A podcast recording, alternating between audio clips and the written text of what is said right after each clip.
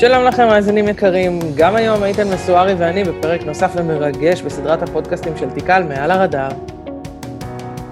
כזכור, אנחנו, איה ואני, שנינו חברים בקבוצת הדב-אופס בתיקל, חברת מומחים שפזורה ברחבי התעשייה, ואנחנו כאן מנסים להעביר לכם את מה שאנחנו למדים וחווים ביום-יום במשימות שלנו.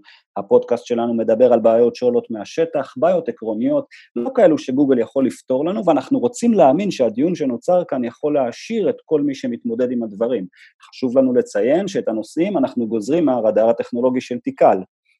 אז במסגרת השיחה על uh, artificial intelligence, או איך שלא קוראים לזה בשיחה, uh, וזה לא משנה אם זה בסרטי מדע בדיוני או בחיים עצמם, בעשור האחרון שמענו יותר ויותר מונחים כמו Machine Learning, רשתות נוירונינג, Deep Learning, GPU, uh, ועוד המון צירופי מילים מלאי פאתוס ומסתוריים.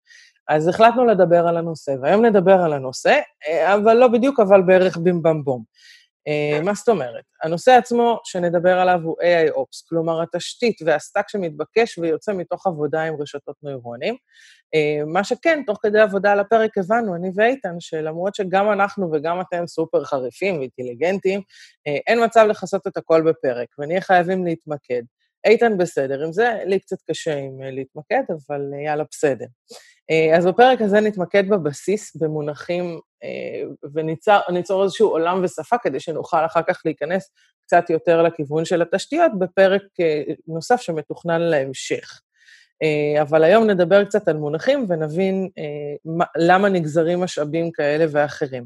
אל דאגה, הפרק הולך להיות מעניין ולא תיאורטי, אין צורך לרענן ידע במתמטיקה. עוד מיקוד, עוד מיקוד אחד שבחרנו, אנחנו נתמקד היום בדוגמאות מהעולם של עיבוד תמונה. אז uh, כפי שציינה עמיתתי איה, היום נתמקד uh, ברשתות נוירונים, מערכות uh, Deep Learning, למידה עמוקה, GPU וארכיטקטורה נלווית. נמצאים איתנו דביר ומיקי. Uh, כן, אז דביר פרבי הוא כרגע יזם של uh, סטארט-אפ בעולם ה-AI, עם חברה שנקראת קיפי, ב stealth mode, שזה אומר שהיא בסוד עדיין, אבל באמתחתו הרבה CTO-יות ו-VPRND-יות ושלל תפקידי ניהול טכנולוגיים בסביבת אלגוריתמיקה כבדה כבר מ-2012. חוץ מזה, אני רק אגיד שדביר אני מכירה מזה שהוא בכלל דביר של שירה, ועוד לפני שידעתי מה זה הייטקים, והיו אומרים לי, זה דביר, הוא חכם, אף אחד לא יודע על מה הוא מדבר, אם הוא מדבר איתך, תחייכי ותברכי.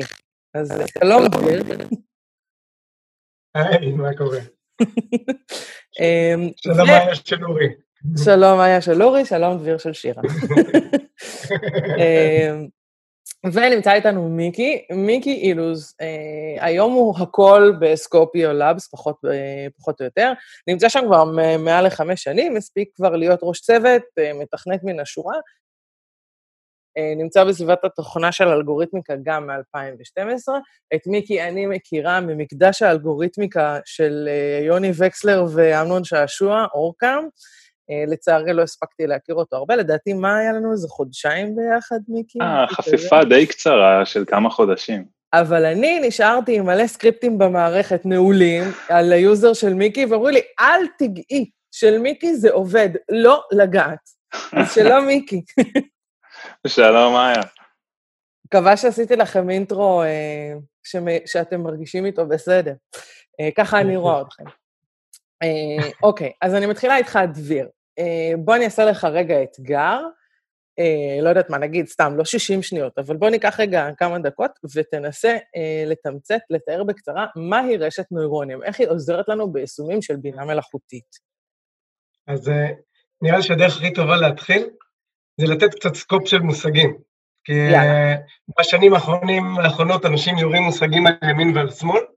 אה, זה מביא לבדיחה די מצחיקה על אה, באיזה שפה כותבים אה, Deep Learning ב Python, באיזה שפה כותבים AI ב PowerPoint. סבבה, אהבתי. יש הרבה בלאגן בין Data Science, Artificial Intelligence, Machine Learning, Deep Learning. אז יאללה, תקרא לנו קצת מושגים.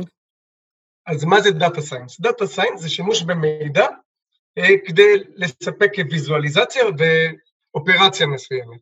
כלומר, גם אקסל, גם דשבורד הוא Data Science, הוא לא בהכרח AI.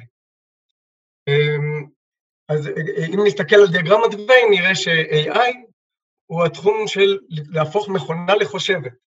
מאוד okay. אוקיי. כללי, מה זה, מה זה מחשבה זה עניין אה, פילוסופי, כמו שאומרים. אמ, שככה שאני יכול להגיד, אפילו אם uh, הלכת ימינה, אתה. כלומר, זה גם החלטה, גם איף בסיסי יכול, אפשר להגיד שהוא עשה חשיבה. אז מה ההבדל בין איף לבין באמת חשיבה? כי איפים אני עושה כל הזמן בסקריפטים מאפנים, מה הקשר? זו שאלה טובה. האם את מייצרת AI? זו שאלה מה, מהי חשיבה, מה, מהי דימוי אה, התנהגות כמו בן אדם. אוקיי. אה, וזה פילוסופי AI, בגלל זה הוא נרשם בפאורפוינט בעיקר. אה, Machine Learning לעומת זאת, הוא מייצר אה, מנגנון של קבלת החלטות קלסיפיקציה, אה, חש... נקרא לזה חשיבה מורכבת יותר, על סמך מידע היסטורי. כלומר, אם נעשה את זה בצורה בסיסית, אם קנית חומוס, אז אני אציע לך לקנות פיתות. מאוד פשוט, אני אסתכל ברשימה שלך, קנית חומוס, נציע לך לקנות פיתות. Okay. אוקיי. אני יכול לעשות, אם קנית פיתות, אם קנית חומוס, אבל, לא, אבל קנית חלה, אולי פחות נציע לך פיתות. דברים okay. אוקיי. כאלה. התניות.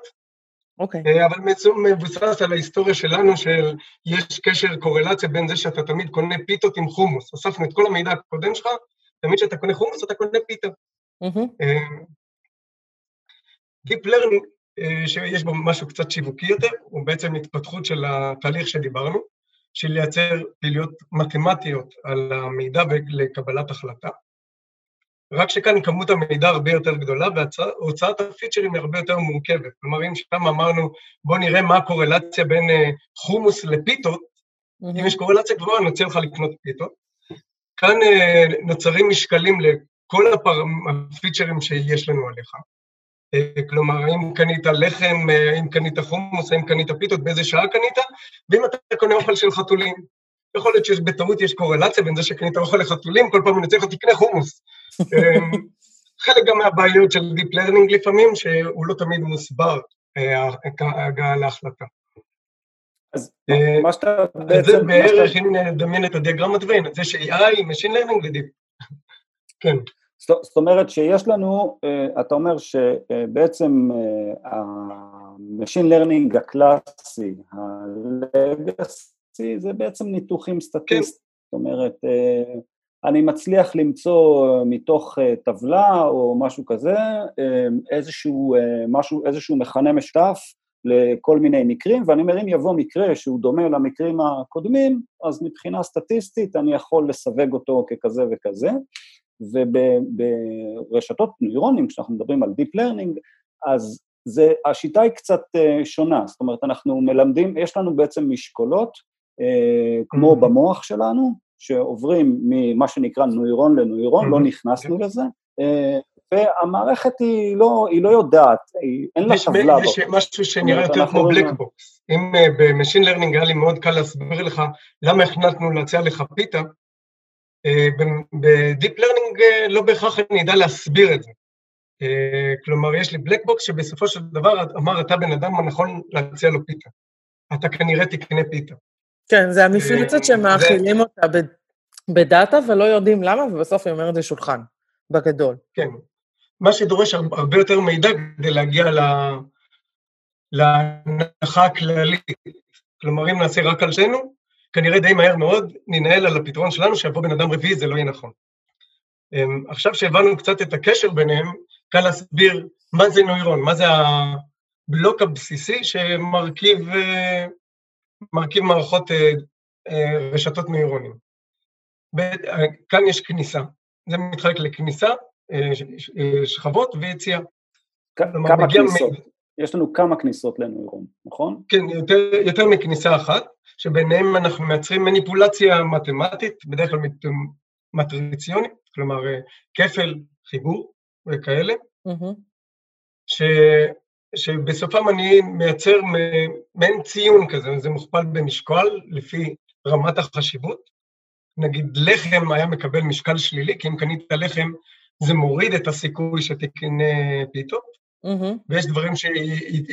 פיצ'רים שיהיו יותר חיוביים ועוזרים לקבלת החלטה חיובית. בחלק האחרון של הנוירון בעצם הם קוראים, זה נקרא, כאילו, נקרא לזה שכבת החלטה. threshold, כלומר, אנחנו החלטנו שמציון כזה וכזה, אנחנו מציעים לך פיתות. אוקיי. למרות שכל התהליך נשמע מאוד הנדסי, של להכפיל ולייצר משקולות, דווקא החלק האחרון הוא קצת יותר ביזנסי. כלומר, אם אתה בן אדם שחשוד ונכנס עם פצצה, יכול להיות שנשים את הטרשולד נורא נמוך, כדאי לעצור כל בן אדם. כלומר, הטרשולד נקבע על בסיס החלטה עסקית, או נקרא לזה ביזנס use case. כלומר, אם זה, האם אנחנו חושדים בפצצה בכניסה לבניין, כנראה טרשטולד יהיה מאוד נמוך, עדיף לעצור כל בן אדם, לעומת פיתות שאולי נעלה את הרף כדי לא להציק ללקוחות ולצעוק לכל אחד תקנה פיתות, תקנה פיתות. אוקיי. Okay. אוקיי, okay. זאת אומרת שלנוירון יש כמה כניסות, הוא קנה ככה, הוא קנה ככה, הוא קנה ככה, אה, וכן הלאה. בסופו של דבר הנוירון לוקח את כל השיקולים האלה ומחליט הוא אומר, הנה המשקולות שלי, הלחם אני נותן לו משקל גבוה, יש לו איזושהי פונקציה בפנים, ובסוף, בחוץ, הוא אומר, להמליץ לו או לא להמליץ לו על פיתות. כן. אוקיי. Okay. שאחד התהליכים המורכבים במנגנונים האלה זה שאנחנו מתעסקים עם המון מידע ועם המון פיצ'רים. אוקיי, אבל, אבל ל... אנחנו, רגע, אני רק אה, אשלים, אנחנו מדברים על רשת נוירונים, אה, שהם, המוצאים שלהם, אה, רשת... כאינפוטים, עוד שורה של נוירונים, ושזה שהשכבה הבאה, ואז יש עוד שכבה ועוד כן. שכבה, עד שאנחנו מקבלים בסוף איזושהי החלטה של, אני יודע, התמונה הזאת היא של דביר, או התמונה הזאת היא של מי. אז בואו ניקח את הדוגמה שלך לצרכן, של להחליט תמונה. אז אם נסתכל על אה, כמות הכניסות שלנו, אה, בדרך כלל ייקחו תמונה, יעשו לה רידוד ברזולוציה 256 על 256, אפילו לא ייקחו את כל שלושת הצבעים, ייקחו צבע אחד, זה כבר נותן לי 264 אלף אה, כניסות. אוקיי, זאת אומרת שהכניסות זה הפיקסלים, אוקיי? זה, זה הפיקסלים, שיש כאן חשיבות מאוד גדולה ללרדד את כמות המידע, אם הייתי לוקח תמונה של 5 מגה עם, עם כל הצבעים, זה היה רשת אה, ענקית ומאוד קשה לעבודה, אז מנסים לרדד למינימום. כן, אבל לצורך הרעיון זה פיקסלים. זה, זה פיקסלים, כן. אה, שכל שכבה כזאת היא בעצם עושה מניפולציה מתמטית. אם ניקח לצורך העניין את גוגל נט אה, שעושה זיהוי פנים, אז עושה את זה על 20, 256 כפול 256 על תמונה בשחור לבן, ומעבירה 22 שכבות כאלה עד שהיא מייצרת החלטה. Okay. זה אומר אוקיי. שיש כאן מיליוני משקולות. כלומר, אם עד עכשיו היה לנו קל לחשוב בראש של אה, אם יש לחם, בוא נוריד לו את הציון, אה, אם יש חומוס, נעלה לו את הציון, כאן אה, היכולת לכוון את המשקלות האלה ידנית היא בין כן. קשה לבלתי אפשרית. כן, כלומר יש גם אלגוריתם שמכוון את המשקלות. זאת אומרת שאני מזין תמונה, בסוף הוא אומר זה כן מיקי, ואז אני אומר רגע, זה לא מיקי, אז המערכת עצמה הולכת ומכווננת את המשקולות בהתאם. אבל רגע, איתן, אתה כבר מחליט אם זה מיקי או לא, אנחנו מדברים על השלב של בכלל להחליט אם זה פנים או לא, נראה כן, לי. כן, כן, ברור, ברור. אין פה, ברור. מה שאני מנסה להגיד, שבסופו של דבר מזינים אינפוט למערכת שאנחנו יודעים את התשובה עליו, המערכת אומרת כן או לא, אם היא טעתה, אנחנו אומרים מה שהיא טעתה, והיא יודעת ללכת אחורה ולחייל את המשקולות שלה וכן הלאה וכן הלאה. אני רק רוצה לספר, אני חושבת שזה, כל מי שהתעסק בזיהוי פנים בשנים האלה, זה ידוע אצלו, היה איזה באג שפרצופים של אנשים וטסות של אוטו, האלגוריתם זיהוי פנים של גוגל החליט שזה אותו דבר, והיה כל מיני כאלה סוואפים, אה, כאלה, נו, איך קוראים לזה, אפליקציות של סוואפים, שכאילו, מחליף, נגיד, אני מצטלמת עם חבר שלי וזה מחליף את הפרצופים שלנו, ואז היו מלא תמונות באינטרנטים של כאילו, איש עם טסה, חברה שלו, ומאחור על האוטו רואים את הפרצוף שלו. זה היה באג משעשע, ומאוד נהנינו ממנו באורקם, אה, לצחוק עליו. כן. ואף אחד לא ידע למה. זה בדיוק חלק מעבודה עם אה, מנגנוני החלטה סטטיסטיים. בדיוק. מנגנון החלטה סטטיסטי, אפשר להבטיח שהוא לא צודק במאה אחוז. כלומר, אם אני עכשיו אאמן עד אינסוף, כלומר, למה, למה גוגל שמו 22 אה, שכבות ולא אה, אה, מיליון שכבות? אפשר לאמן ולהגיע למיליון שכבות, אז אנחנו מבטיחים שהרשת תגיע ל overfit, כלומר, היא תדע לזהות בצורה מדויקת כל בן אדם שהוזן לה באימון, אבל היא, לא, אבל היא תגיד לא על כל בן אדם שלא הוזן באימון. ולכן תמיד צריך להגביל את המערכת להיות קצת יותר כללית, כלומר, לזהות אנשים ולא את האיש הספציפי, לצורך העניין. וואו, זה, זה סופר מעניין. איך יודעים איפה הקו הזה עובר? עכשיו, זה, זה מאוד מורכב. כאן יש כל מיני מנגנונים כדי להזין את המשקולות, פונקציה שנקראת loss function, נקרא לזה פונקציית עונש, שבה אתה מעניש את הרשת כל פעם שהיא טועה, מחזיר אותה אחורה. מוריד לה את החשמל. אני אומר, הנה הפיצ'רים ששינית, אותם תתקן חזרה. אני עוזר לה להחליט איזה משקולות לשנות. כלומר, אם, כלומר, אם אתה כיוונת בחץ וקשת וראית 90 מעלות הצידה במדריך, אז כדאי להעניש אותך הרבה, כדי שנחזור לזה. אם היית קרוב, אז הכל בסדר. אוקיי, אני... קודם כל, דביר, תודה על, ה, על הפתיחה הזאת, זה היה מאוד uh, מרתק. אני רק uh, uh, אתחיל פה עם פינת הדוד, uh, פינת הדוד א', זה uh, כל הזמן מתבלבלים במונח uh, Deep Learning ורשתות נוירונים. זאת אומרת, למה קוראים לזה Deep Learning ולא רשתות נוירונים? Uh, בפעם הראשונה נתקלתי בהסבר uh, בפודקאסט uh, של רן לוי, בפרקים 204-205, uh, על למידה עמוקה, זה ממש מומלץ. אז עד, שני, עד שנת 2003 ירחונים מדעיים כמעט ולא הסכימו לפרסם מאמרים בנושא רשתות נוירונים, כי הקהילה המדעית התייחסה לתחום הזה כאל הזיה. המערכות בינה מלאכותית עבדו די בהצלחה על אלגוריתמים סטטיסטיים או אלגוריתמים אחרים, אפילו אחת המערכות האלה פירקה לגארי קספרוב את הצורה בשחמט בשנת 97, אבל אחד החוקרים המשוגעים שלא הרפו משיטת רשתות הנוירונים היה אנגלי בשם ג'פרי הינטון, הוא עבר לקנדה כי שם היה המכון היחידי בעולם שהסכים לממן את המחקרים האלה, וב-2003 הוא חבר לשני חוקרים אחרים, יאן לקו הצרפתי וג'ושוע בנג'יו הקנד, הקנדי, וביחד הם החליטו לפרסם מאמרים בנושא שנקרא Deep Learning, ולא רשתות נוירונים, בכדי לתחמן, כדי שהירחונים בעצם לא ישימו לב, ומאז הביטוי Deep Learning הוא בעצם האליאס של רשתות נוירונים. אז עד כאן פידנת דוד א', אנחנו נעבור אליך, מיקי. מיקי, מה, מה זה GPU ולמה הוא חשוב לרשתות נוירונים? אוקיי, okay, אז uh, בשביל לענות מה זה GPU, אולי כדאי שנזכר לרגע מה זה CPU, שזה בעצם היחידה שיודעת לבצע גם חישובים מצד אחד וגם להריץ מערכת הפעלה מצד שני. זאת אומרת, היא באה ומריצה את ה-instructions שאליהם ה... אמ, code מתקמפל. GPU זה בעצם uh, התחיל ככרטיס uh, גרפי, uh, למעשה כיחידת עזר לכרטיסים גרפיים, בשביל להאיץ רינדור של משחקי מחשב. ו... קיצור, אם אין לך, מה שנקרא, מה שנקרא, אני הולך לשמעון מחשבים לקנות כרטיס מסך, אם אין לי את הכרטיס מסך הזה, אני לא יכול of Duty. Uh, כנראה שלא. בפעם עוד היה, הייתה נקודה בזמן שהיית יכול לראות ממש את ההבדל בין משחק שרץ על אה, CPU למשחק שרץ uh, גם עם עזר של GPU, והיית רואה ממש את ההבדל בחלקות של הריצה של המשחק. עכשיו, איך GPU עושה את הדברים האלה? הוא בעצם, בעוד ש-CPU בנוי מנניח uh, כמה ליבות, יכול להגיע לכמה עשרות ליבות במחשבי סרבר החזקים, GPU בעצם בנוי מכמה אלפים של יחידות חישוב הרבה יותר פשוטות, שהן למעשה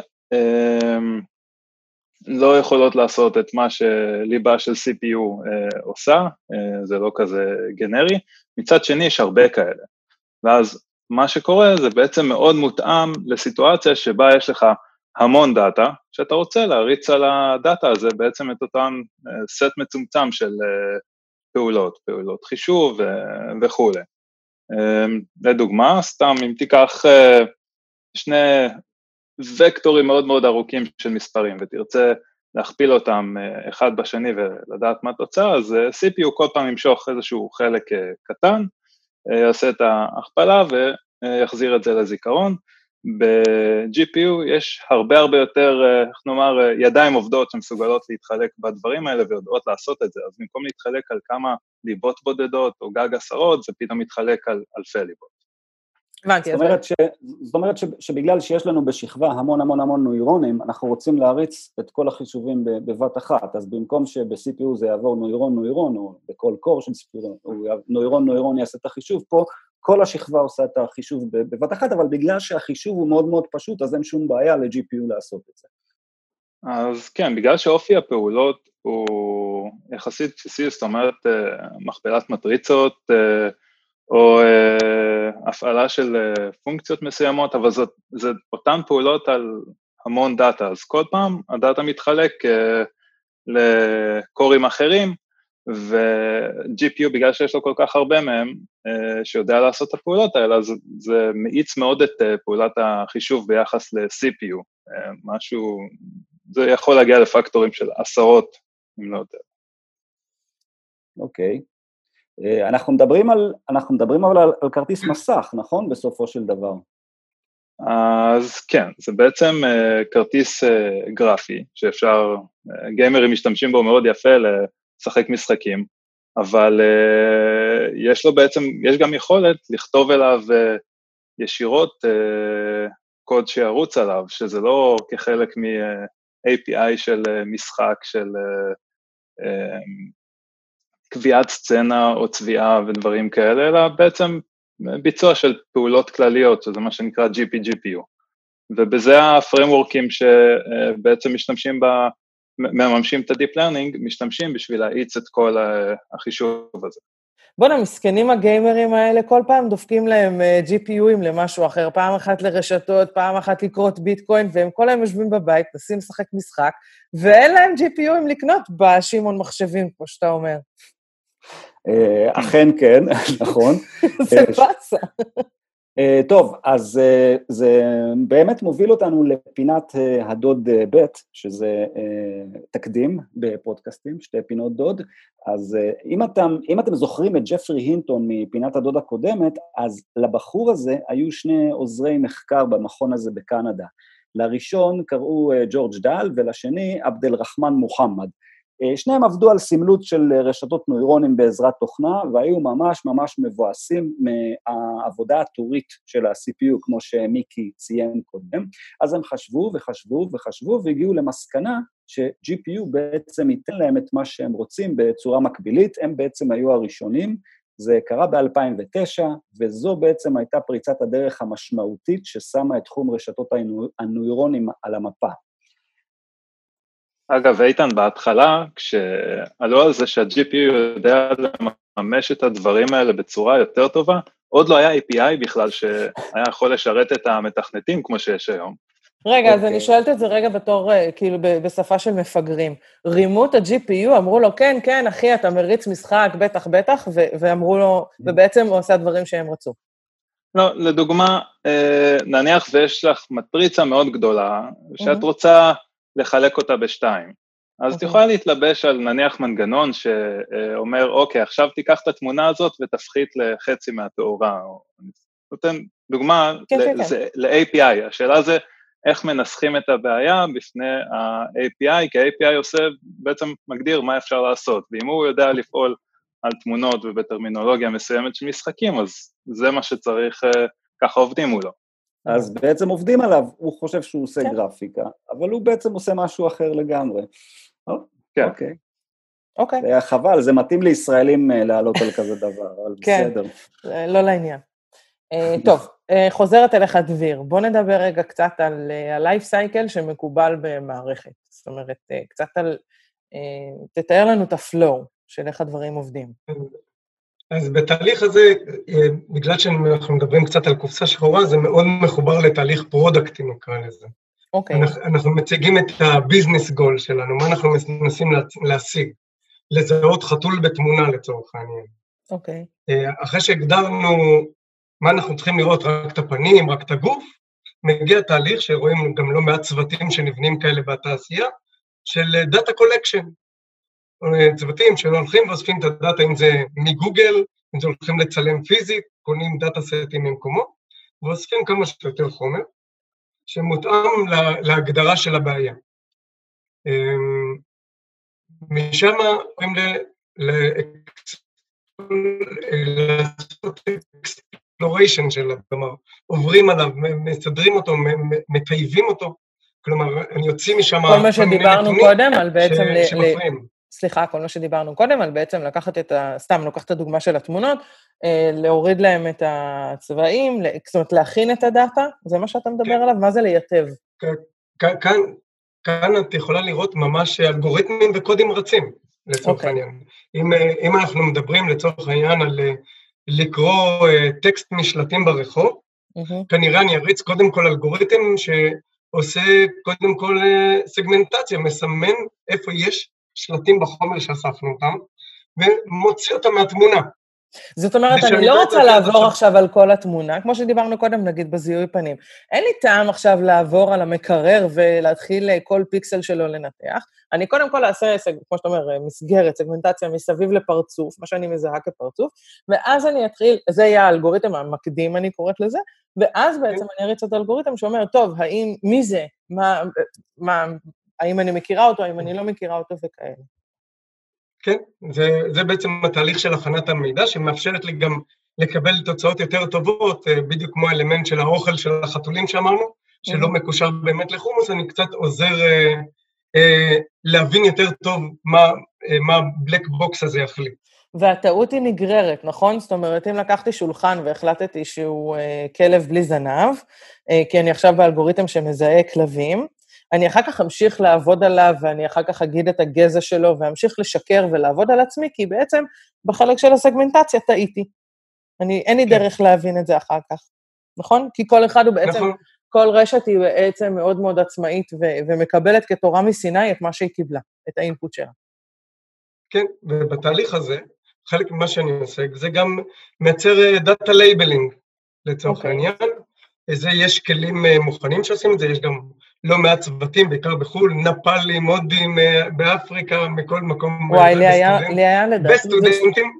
מלא סרילנקושים, מאות, כן. אלוהים ישמור.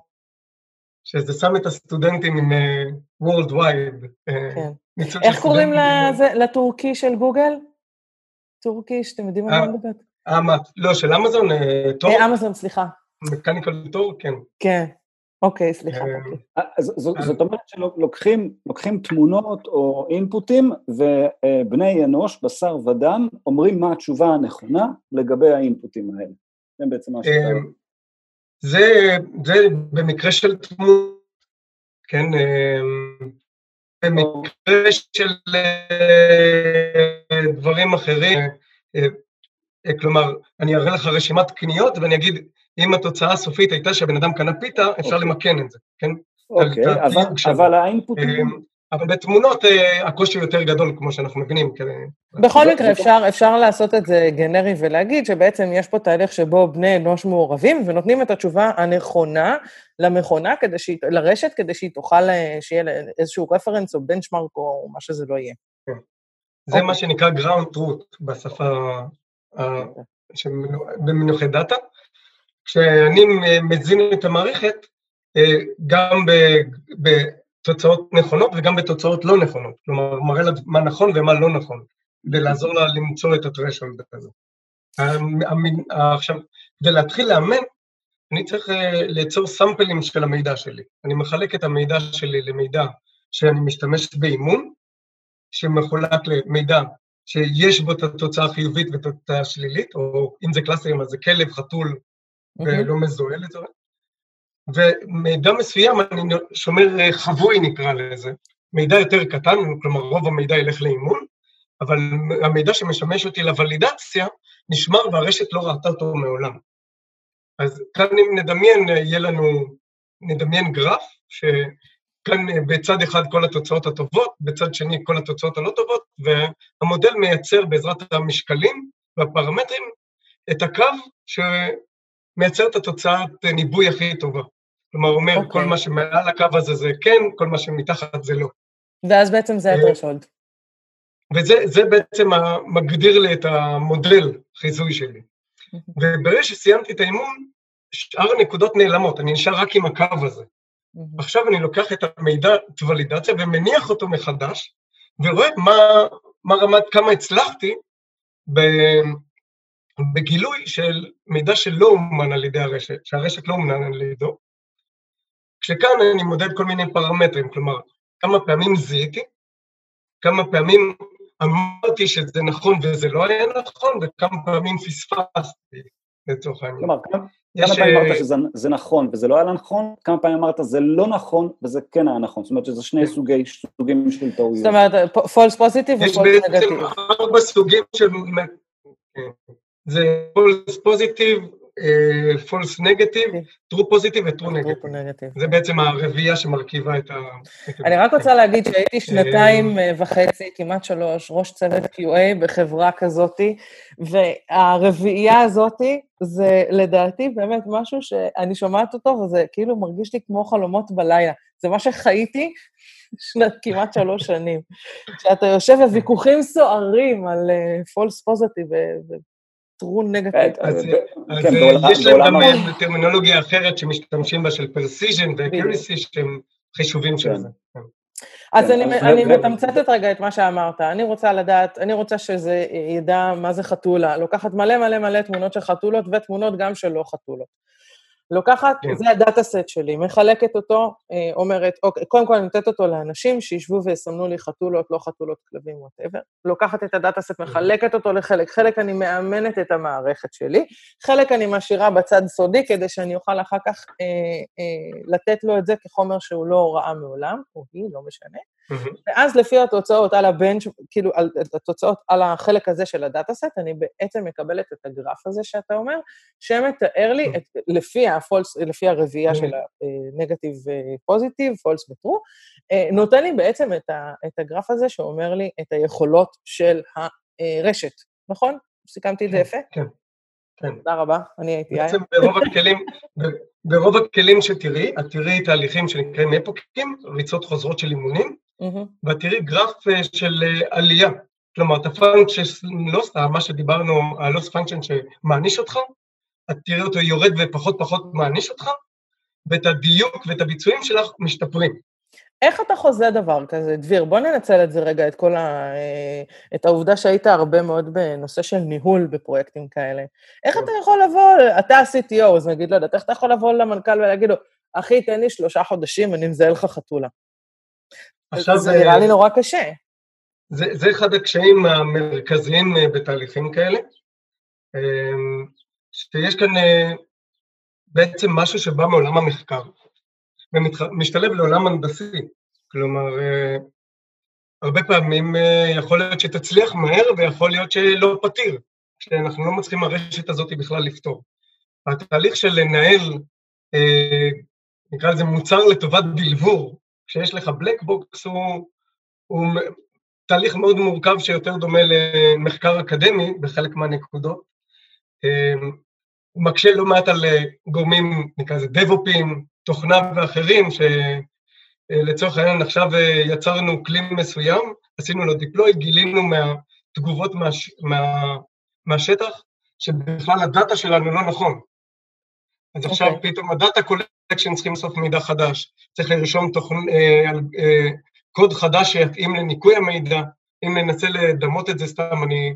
החלטנו לזהות וזו.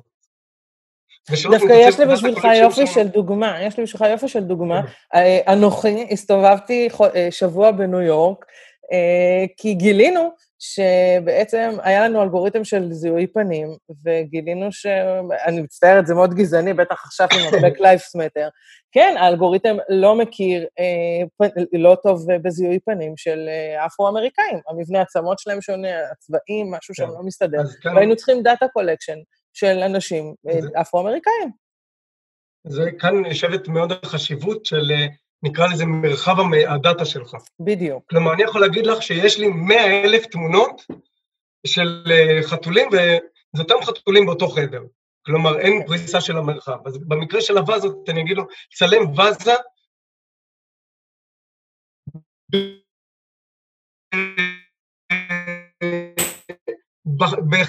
במבנה ומגוון, גדולים, קטנים, ואני בטוח שפרסתי את המרחב נהדר. ואז אה, אני אגלה שהרשת שלי בעצם תיגע כל פעם שהיא רואה פרחים, כי לא חשבנו להתחשב בזה שתמיד בוואזה יש פרחים, אבל גם, אבל גם וואזה בלי פרחים היא וואזה. דיברנו גם על איזושהי דוגמה עם וילון, נכון? וילון ומיטה, משהו כזה. היה דיבור כזה שהייתה רשת שהייתה צריכה לזהות וילון, והיא גילתה שיש את זה בסמיכות למיטה, ואז כל פעם שהיא ראתה מיטה, אז היא צעקה וילון. כן, כי אין את ה... כן. זה בדיוק ההקשר, וזה גם הבעיה גם בשפה טבעית ובכל זה, מיני אבל כאלה. זה, זה, זה קורה גם לתינוקות, דרך אגב, לפעוטות שלומדים דברים, שהם כן. מזהים משהו שבגלל שזה היה תמיד אה, קשור למשהו אחר, אז... אה, הלמידה, הלמידה של שפה היא לא באה מתוך שינון, היא באה מתוך לוגיקה. אני יכול להגיד לך שהילד שלי, כשהיה קטן, הוא רצה אוכל מסובב פעם, ולא הבנתי מה הוא רוצה, הוא, הוא ראה שכשמחממים במיקרו, האוכל מסתובב. אז הוא קישר את זה לא לזה שהאוכל מתחמם, הוא קישר את זה לזה, אז זה אוכל מסובב. אה, הלוגיקה נכונה. אתה מתאים אותו לפעמים לקונצנזוס אה, שקיים, אבל זה שלא נקרא לזה מסובב זה החלטה תרבותית שלנו. אז רגע, של, אה, רק משפט אחרון לגבי השאלה הקודמת שלי, שנורא קשה להעריך את זה. יש לך דוגמה מאוד יפה איך פתרת את זה באחד מהפרויקטים שלך. אני אזכיר לך שהצמדת איש דב-אופס לצוות, שזה בעיניי רעיון אה, מעולה. אה, אז בתהליך, בתהליך הזה, מה שקורה, אנחנו עוד מעט, אני אסביר שנייה את הגישה של DevOps, אה, למה, איך גילינו ש DevOps הוא, הוא ההצלה בעולם ה DataOps. נראה שזה יותר מעניין פשוט לפודקאסט. ראינו את התהליך שתיארתי, הוא נשמע מאוד אוטופי, אבל ברגע שאתה מגיע למציאות, וכשהתחלנו את זה בתחילת הכניסה של אה, deep, אה, באמת הסתבכנו נורא. כי זה היה נורא לא חזרתי, אספנו מידע, הרצנו, בנינו מודל, קיבלנו תוצאות, רצינו לשפר, רצינו להריץ עוד פעם, לא יצא אותו מודל. ואז הבנו שפתאום צריך לעשות data versioning, לנהל גרסאות של המידע, ואחרי זה לנהל גם גרסאות של מודל, כדי שמי, כי המידע הזה כל הזמן נאסף לחברה, ובקשר עם עוד לקוחות ונאסף מידע, ואף אחד לא יודע מה, מהי המידע. וגם אם אתה שומר על אותו מידע, פתאום מתייגים אותו שונה. למדנו שתייגנו בטעות שולחן בתור חתול, ועכשיו המודל יצא שונה, אז אני לא חזרתי. אז פתאום נולדו מנגנונים של versioning, גם ללייבלים, גם ל data וגם למודל, ונוצר ממש מערך שנקרא DataOps לצורך העניין, mm-hmm. גם, גם לטובת אה, בניית data set ים לתיוג מודלים, והרצה אוטומטית מול מכונות ב-AWS למשל. אז זהו, אז פה אני רוצה, אני רוצה דווקא לעבור למיקי, כי אז... אה, מיקי אמנם אה, לא... זה, זה מרגיש לי מאוד להקטין אותך, להגיד לך דב-אופס, אבל אה, אחד מהכובעים של מיקי פה בפודקאסט הזה, זה אתה בעצם סוג של עושה דב-אופס באיזשהו מקום, והייתי רוצה שנרד רגע ו- ותספר לנו איך נראית המערכת, מערכת שכזו מבחינת משאבים. גם, אבל הייתי שמחה אם תוכל לסדר לנו את זה מבחינת שלב של training ושלב של אשכרה runtime. כאילו זה נראה לי פשוט, ב- ב- ככה אני לפחות ב-DevOps, מאוד קל לי לסדר את זה בראש. אם אתה לא מסכים, אז תספר את זה איך שאתה רוצה. אנחנו דמוקרטים. אז, uh, לא, אני מסכים איתך. יש פה, יש חלוקה מאוד ברורה. בין שלב ה training, שזה שלב של uh, uh, להעביר, כמו שדביר אמרת, הרבה הרבה דוגמאות עד שהם מקבלים בסוף uh, מודל uh, מאומן, ואת המודל הזה לוקחים בשלב שנקרא אינפרנס, שבעצם בשלב הזה השאיפה היא להראות, uh, הרצון הוא להראות uh, תמונה נניח שהמודל עוד לא ראה, ולקבל uh, זיהוי נכון. אמ, והשלב הזה הוא הרבה יותר, הוא הרבה פחות אה, כבד חישובית משלב ה training. שלב ה training, מה זה אומר? זה בעצם לקחת את אוסף כל התמונות שיש, אה, ב, שמעוניינים להכניס ל training אה, עם ה labels שלהם, להכניס אותם אחת-אחת ולהגיד, זה חתול, זה כלב, זה חתול, זה כלב, ככה יכולים להיות אלפי תמונות או לפעמים הרבה יותר, ולעשות את זה גם באיטרציות. זה המון המון חישובים. נכון. ב inference בעצם זה מעבר uh, בגדול, מכניסים את התמונה מצד אחד, מהקצה השני מקבלים שיפוט. זה כלב. בתקווה שזה גם נכון. אז uh, כמות החישובים ש, uh, שכל uh, חלק, training או inference, זה באמת uh, שונה. Uh, עכשיו גם, גם הציוד לפעמים שמשתמשים בו, עבור כל שלב הוא שונה. זאת אומרת, למשל, אפשר לאמן מודל על הרבה אה, מודלים ב-AWS, ולעשות inference על uh, device embedded יחסית קטן, בהנחה שגודל המודל הוא לא גדול כל כך. אז מבחינת data, יש פה, יש המון data דרך כלל שרוצים לעשות עליו training, כי הכלל הוא בדרך כלל כמה שיותר דאטה, זה במיוחד בתמונות, בדברים כאלה, זה עוזר uh, להגיע למודל מדויק יותר. ועוד uh, משהו זה, אנחנו בגדול רוצים לשמור גם את ה... להביא, היינו רוצים להביא את הדאטה כמה שיותר קרוב למקור החישוב שלו. זאת אומרת, בתיאוריה... זאת אומרת, נניח... אה, מבחינת העברות של דאטה, מבחינת bandwidth וכזה. כן, בגדול, כן, אוקיי. אני, אתן דוגמה. נניח וכל אוקיי. דאטה נכנס ב RAM של המחשב, mm-hmm. הגישה אליו היא מאוד מהירה, ה bandwidth בין ה-GPUs ל RAM הוא מאוד מאוד מהיר. מצד mm-hmm. שני, אה, אפשר לחשוב על מצב שבו הדאטה נמצא ב... יש דאטה שזה לא מעשי להכניס את זה לתוך הרם, ואז צריך לגשת אליו מאיפשהו, אז משלמים את, אה, את מחיר של הגישה אם זה אה, באיזשהו סטור נמצא לא רחוק, או, על, אה, אה, או בענן, על S3, או תלוי כבר במדיום, באופן, באופי של פרויקט. אז אולי תדבר רגע על הדוגמה שדיברנו בשיחה המקדימה, כמו שבסוף יישמתם אצלכם. אני מנסה להיזכר איזה... שדיברנו בדיוק על הנושא.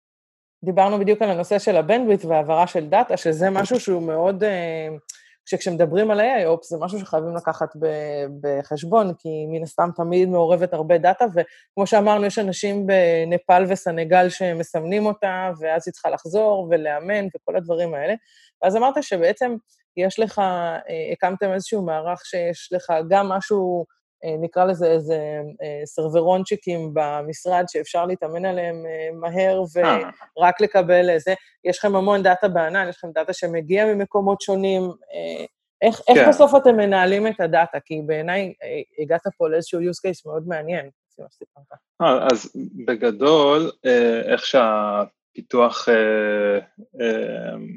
אז התחיל אצלנו זה, ההתחלה הייתה לעבוד בשרתים מקומיים במשרד. זה זמין, יש GPUs, זה מאוד מהיר, מאוד גם קל לבוא ולהשאיר סשן, לחזור אליו למחרת, מבחינת פיתוח זה מה שהיה יחסית. מה, מה זה שרתים במשרד? אתה פשוט לוקח מכונה, מרכיב עליה, לוקח motherboard, שם CPU, שם כרטיסי מסך, כי מבחינתך זה ה-GPUs, וזה השרתים של המשרד. כן, ממש ככה. זאת אומרת, לחברה, לחברה, אגב, חברה קטנה שרק מתחילה, זה שרק רוצים להתנסות עם זה, אפשר ישירות לעבוד בענן, כן? אבל אני חושב ש... אה, זה מאוד תלוי במה... רגע, רק כשאתה אומר לעבוד בענן, זאת אומרת, אני, אני לוקח... אה, אה, מישהו אחר עושה את זה. Machine טייפ מסוג GPU, לא מסוג M5. מישהו אחר עושה את. זה. כן. פשוט. לא, אני, אני רק אומר מה לבחור ב-AWS. זאת אומרת, ב-AWS אתה יכול לבחור מכונה... אתה גם יכול לבחור CPU ולחכות יותר זמן, זה תלוי כן. כסף. כן. זה ב... לא, זה בדיוק נכון. הסיפור. אה, נכון. זה המון בואי... כסף, המכונות GPU. כן, זה לא זול. אני חושב שהמכונה הכי זולה, נכון להיום באמזון, שיש בה GPU, זה באזור ה-900 דולר לחודש, שזה כן. לא מעט. כן. Uh, מצד שני, מחשב uh, לא כזה חזק, נניח מחשב עם 8-10 ליבות uh, אה, CPU, מחשב גיימינג שהוא יחסית uh, עם GPU אחד, uh, GPOS, אפשר להריץ איתו דברים, uh, אפשר כבר לבוא ולהתחיל לפתח. מחשב של גיימר ב-1500 דולר, עזוב, כן. משהו כזה. משהו כזה. מחשב בר מצווה. כן. לא, יש כאלה שגם נרתעים מלהחזיק תשתית פיזית ואני גם מבין את זה, אבל אם בעצם אה, יש מקרים שבהם זה מאוד מתאים כי זה מאוד נוח למפתחים פשוט לשבת, להתחיל להתנסות, להשאיר סשנים חיים, לחזור אלי, אליהם למחרת, לא לחשוב על זה שכל רגע עולה לך אה, כסף. כן, גם כן. לפעמים, ו... אתה יודע, זה לקשקש על נייר שלהם, זה... לבדוק רגע משהו על דאטה סט של 200 תמונות, אתה יודע, לעשות POC, לא צריך עכשיו כל דבר. נכון. להריץ אימונים משוגעים. אבל מצד שני, אם אני צריך כוח חישוב מטורף, אבל לכמה שעות, אז אני תמיד יכול להרים בענן לכמה שעות ולהוריד, כן, אבל אני צריך... אם יש חישוב ורדדי, אתה יכול, בטח.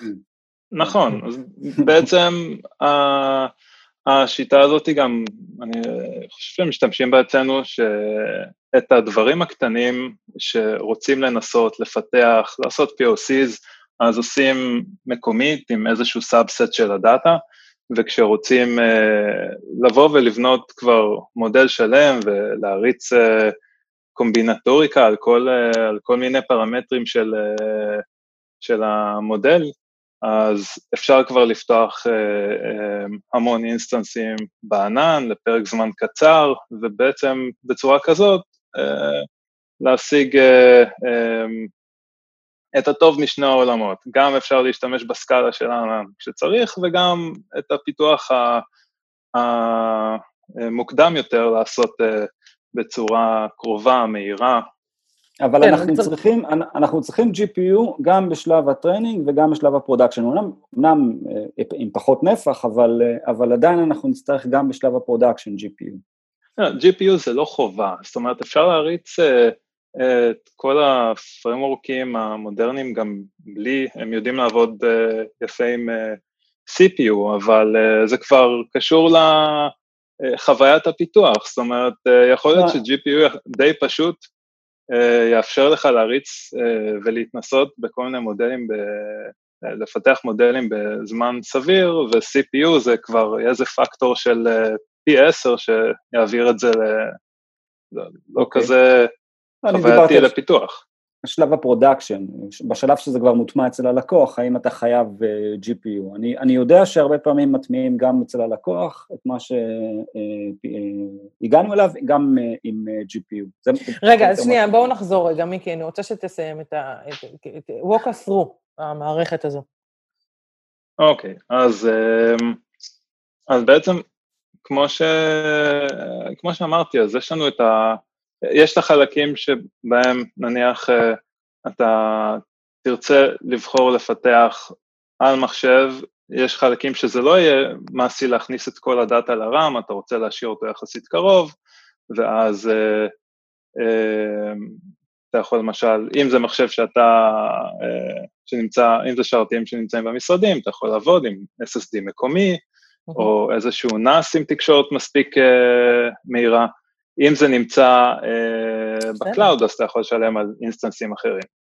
אה, אה, קטע, זאת אומרת, אצלנו יש, אני חושב, עבדנו, בהתחלה היה קטע שהתחלנו להוסיף עוד ועוד שרתים עם uh, GPU, והמשרד עצמו, uh, זה בעצם באיזשהו שלב התחיל לקפוץ הנתיך אה, של החשמל, כי כל מחשב כזה, זה מסתבר שהוא צורך אה, לא מעט, זה בעצם אה, חצי, חצי תנור חימום מבחינת הספק.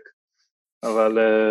אז אתה אומר, כן, אם, כן. אם אתם יכולים לחלק לפי עונות השנה, לאמן בחורף, בחורף, בחורף. ו production בקיץ. כן, כן, training עושים בחורף. על הכיפאק. training עושים ב training. כן, בדיוק. training עושים על training, יפה מאוד. אה, טוב, על הכיפאק. אה, אני רוצה להתחיל לסכם, אה, למרות שאפשר לדבר על זה עוד שעות, אבל אין מה לעשות. נגענו היום ממש בקטנה בנושא הזה, שיותר ויותר משפיע על היום-יום שלנו, גם כמפתחים וגם כאנשי DevOps. הבנו בעיקר למה GPU, מה צריך מסביב כדי שהעניינים יעבדו. אמ, ודיברנו על דברים, קצת על העבר, קצת על אה, ההווה, ובתקווה שאנחנו אה, קצת אה, מבינים לאן זה הולך בעתיד. אמ, בעיניי היה פשוט מרתק, וממש חבל שאי אפשר להמשיך עוד איזה שעה, שעתיים. טוב, אז uh, אני רוצה להודות לאיה, שיחד עימי נתנה בקושיות, uh, לצוות הפודקאסט, חגי פיליפ זגורי ומירון גופר הנהדרים, לאורחים שלנו, דביר ומיקי, לנתי טכנאי הסאונד המופלא שלנו, לענת שעוזרת לנו להפיץ את הבשורה, וכמובן, כמובן, לתיקל שהיא הבית הטכנולוגי שלנו. ניפגש בפרקים הבאים. תודה איתן, תודה דביר, תודה מיקי, תודה ממש כיף שהייתם איתנו.